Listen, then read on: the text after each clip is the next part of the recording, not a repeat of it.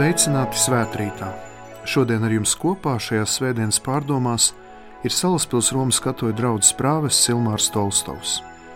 Sākumā ieklausīsimies evanģēlīja fragmentā no Mata evanģēlīja 25. nodaļas, no 31. līdz 46. pantam. Tajā laikā Jēzus sacīja saviem mācekļiem, ka cilvēka dēls atnāks savā diženumā, un visi eņģeļi kopā ar viņu Tad viņš apsēdīsies savā godības tronī, un viņa priekšā tiks sapulcinātas visas tautas. Un viņš nošķirs viņus citu no cita, kā gans nošķir avis no āžiem. Un avis viņš nostādīs sev pa labai, bet āžus pa kreisai rokai. Tad karalis sacīs tiem, kas būs viņam pa labai rokai: Nāciet, mana tēva svētītie, un iemantojiet valstību, kas jums sagatavota no pasaules radīšanas jo es biju izsalcis un jūs man devāt pāriest. Es biju izslāpis un jūs man devāt padzerties. Es biju svešinieks un jūs man uzņēmāt. Es biju kails un jūs mani apģērbāt. Es biju slims un jūs mani apraudzījāt. Es biju cietumā un jūs mani apmeklējāt. Tad taisnīgie viņam atbildēs sacīdami: Kungs, kad mēs esam redzējuši tevi izsalkuši un devuši tev ēst, vai izslāpuši un devuši tev dzert. Un kad mēs esam redzējuši tevi kā svešinieku un uzņēmuši, vai kailu un tevi apģērbuši, un kad mēs esam redzējuši tevi slimu vai cietumā un tevi apmeklējuši. Un karalis atbildot viņiem sacīs: Patiesi es jums saku, ko jūs esat darījuši vienam no maniem vismazākajiem brāļiem, to jūs esat man darījuši. Tad viņš sacīs arī tiem, kas būs pa kreisai rokai: Ejiet prom no manis jūs nolādētie mūžīgai ugunī, kas sagatavota vēlnam un viņa eņģeļiem. Jo es biju izsalcis, bet jūs nedavāt man pāriest. Es biju izslāpis, bet jūs nedavāt man padzerties. Es biju svešinieks, bet jūs mani neuzņēmāt. Es biju kails, bet jūs mani neapģērbāt. Es biju slims un cietumā, bet jūs mani neapmeklējāt. Tad arī tie viņam atbildēja sacīdami: Kungs, kad mēs esam redzējuši tevi izsalkušu vai izslāpušu, vai kā svešinieku, vai kailu, vai slimu, vai cietumā, un esam tev pakalpojuši. Un viņš tiem atbildēs sacīdams: Patiesi es jums saku, ko jūs nesat darījuši vienam no šiem vismazākajiem, to jūs nesat man darījuši. Un tie ies mūžīgās ciešanās, bet taisnīgie mūžīgajā dzīvēm. Tie ir svēto rakstu vārdi.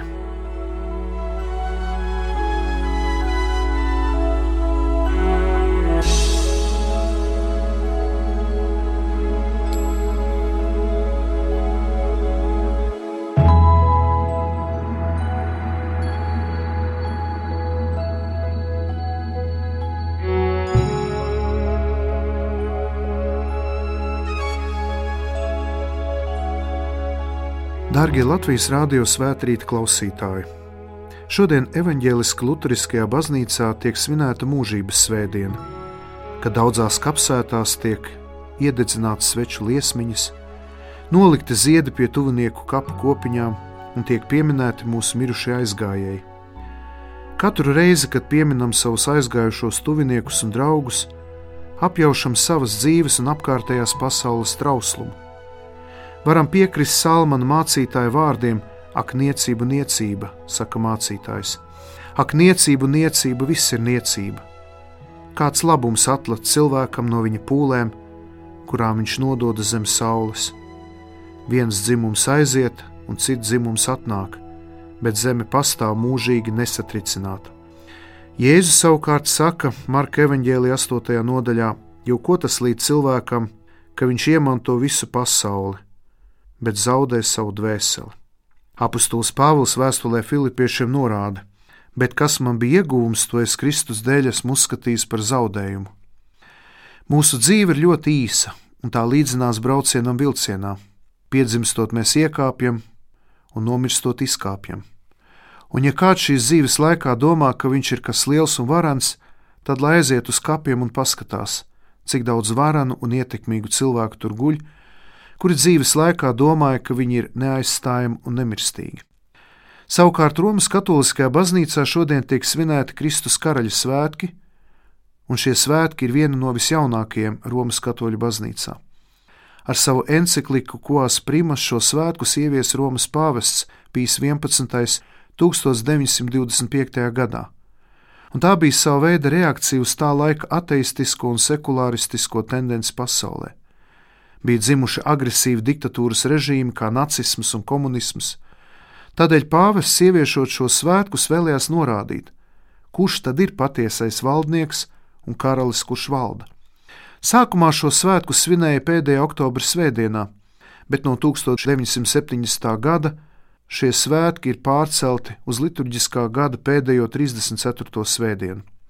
Noslēdzot baznīcas liturģisko gadu, šie svētki prezentē Kristu kā visa visuma karali, kā alfa un omegu, pirmo un pēdējo, sākumu un beigas. Liturģiskie teksti šai dienā pasvītro karalisko cieņu, viņa iemiesošanos, pestīšanas darbu, ko viņš paveica, kā arī pestīšanas dinamiku, jo mūžīgā un vispārējā valdīšana piederēs Dieva varenībai. Pirmajos gadsimtos Jēzu neattēloja kā cietēju uz krusta, bet drīzāk kā valdnieku, kurš nāk, lai tiesātu pasauli, kurš ir kā pentokrātor, kuru gan senajā katoļu, gan pareizticīgo ikonogrāfijā attēloja mozaīkās kā visvarano visu valdītāju. Varam iztēloties šobrīd, kad atrodamies Itālijā, Palermo pilsētā, kur Palatīnas kapelā ir redzama Kristus visu valdītāja mozaīka, kurā Jēzus ir attēlots kā visvarenais valdnieks. Katru svētdienu lielajos svētkos kristiešu nīkais Konstantinopolis ticības apliecībā tiek atkārtoti vārdi: Jēzus Kristus uzkāpa debesīs un sēž pie tēva labās rokas, un godībā atkal nāks tiesāt dzīvos un mirušos un viņa valdīšanai nebūs gala. Pirmo gadsimtu kristiešu dievnamos pie izējas no dievnama tika attēlota pastarās tiesas aina, lai atgādinātu ikvienam, ka par katru savas dzīves paveikto darbu būs jānes norēķins, un ka neviens neizbēgs no taisnīgās dieva tiesas.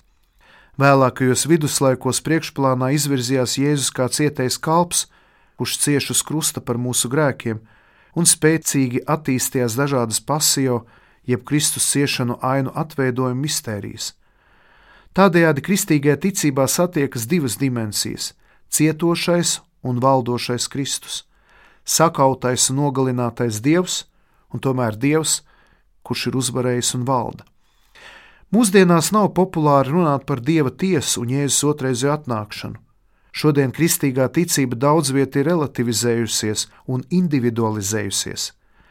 Aizskapa, ja pēcnāves dzīve ir palikusi ļoti miglaina.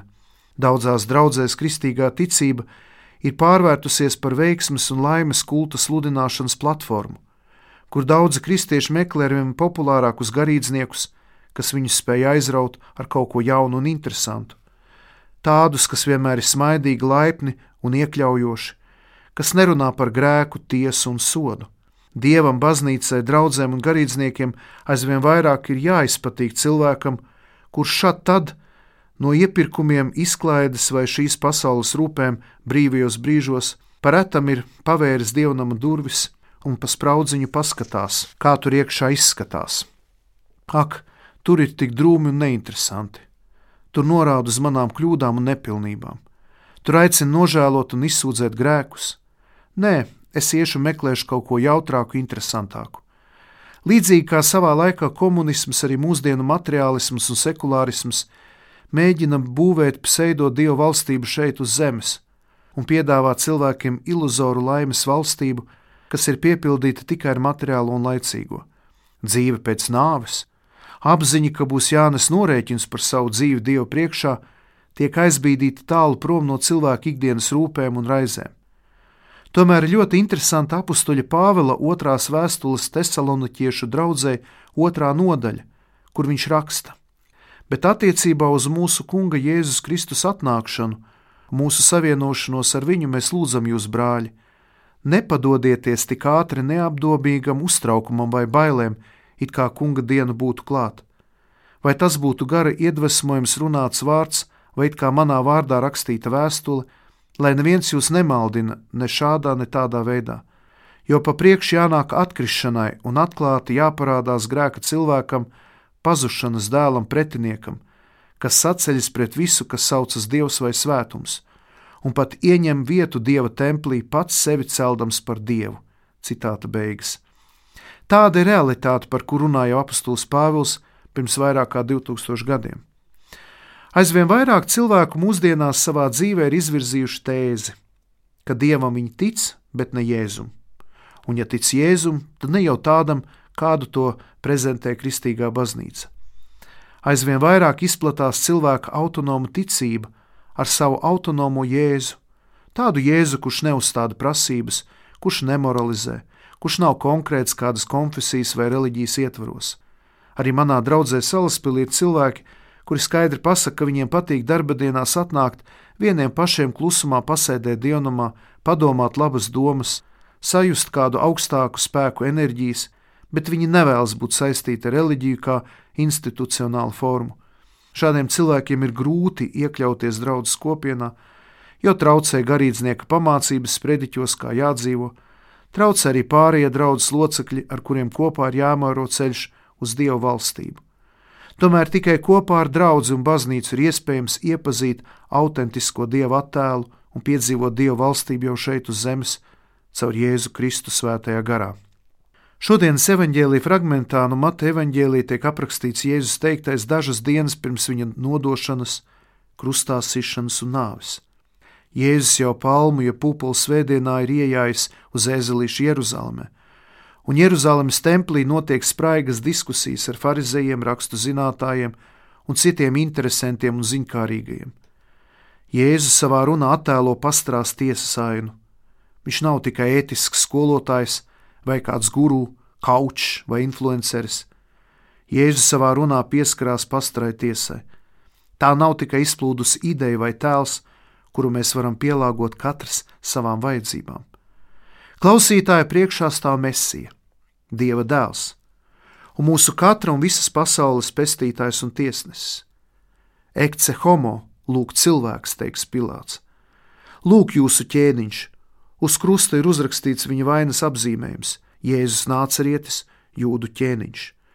Jēzus valda esot uz krusta, bet viņš nāks pasaules beigās, kad būs pasaules gals, un viņš nāks kā varenais tiesnesis tiesāt šo pasauli, jo Dieva taisnīgā tiesa nav atcelta.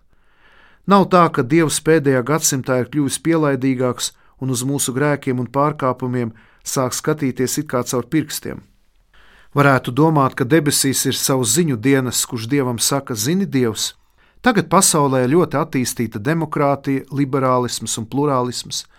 Visiem ir jābūt iekļaujošiem un pieņemošiem, tādēļ arī tev, Dievs, vajadzētu pārskatīt savu nostāju un mazliet mīkstināt savas prasības attiecībā uz cilvēkiem. Redzi, tu vairs neesi tik populārs kā agrāk. Padomā, ja tu turpināsi tāpat kā līdz šim, vai tev vēl nākotnē būs kādi sekotāji, padomā par to. Protams, šāds teksts ir mazliet sarkastisks, tomēr daudz no mums tā arī domā. Jāsaka uzreiz, ka Dievs nemainās laikam, ejot un nepielāgojas konkrētam laikam un cilvēku kaprīzēm. Dievs nav priekšmets, ideja vai mūsu iedoma auglis. Nevaram piekrist tā saucamās reliģiskās psihoģenēzes piekritējiem, kas uzskata, ka reliģija ir cilvēka iedoma vai psihisks izdomas auglis. Mēs, kristieši, ticam Dievam, kurš konkrēti un reāli ir iemiesojies, un ticam, ka Dievs turpina darboties šajā pasaulē. Mēs ticam, ka Dieva rokās ir visas pasaules liktenis - pagātnē, tagadnē un nākotnē. Pasaule nav atstāta pašplūsmā, un Dievs nav kaut kur pazudis, kā to uzskata agnostiķi vai deisti. Tomēr jautājums paliek, kāds tad ir Dievs? Tas, kurš liek sakārtot mums savas dzīves, atbilstoši Bībeles un baznīcas mācības prasībām, vai tomēr atļauj mums palikt mūsu haosā un morāliskajā nesakārtotībā, un tikai dzīves beigās, nāves brīdī prasīs norēķinu par mūsu dzīves laikā paveikto. Un ja jau Dievs eksistē un ir tāds, kā to prezentē Kristīgā baznīca, kāpēc Dievs neiejaucas tur, kur valda netaisnība, kari, ciešanas un sāpes? Vai Dievs nav iemidzis? Kāpēc viņš klusē Ukrainā, Palestīnā, Izrēlā un citur? Kāpēc man sekot tādam dievam, kurš no manis prasa desmit baušļu ievērošanu, aicina sekot baznīcas noteiktai kārtībai, bet nenovērš tik daudz nelaimes un atstāja mūs pašus nelaimi un pārbaudījumu varā? Pasaulē var sastapt divu kategoriju cilvēkus. Vieni pārmet dievam, ka viņš ir pārāk pasīvs un par maz iejaucas pasaules realitātēs. Kāpēc cieši nevainīgi cilvēki, kāpēc ir kari un tik daudz netaisnības, kur ir dievs? Bet tad ir otra kategorija cilvēku, kur uzskata, ka dievs pārāk iejaucas cilvēku dzīvēm.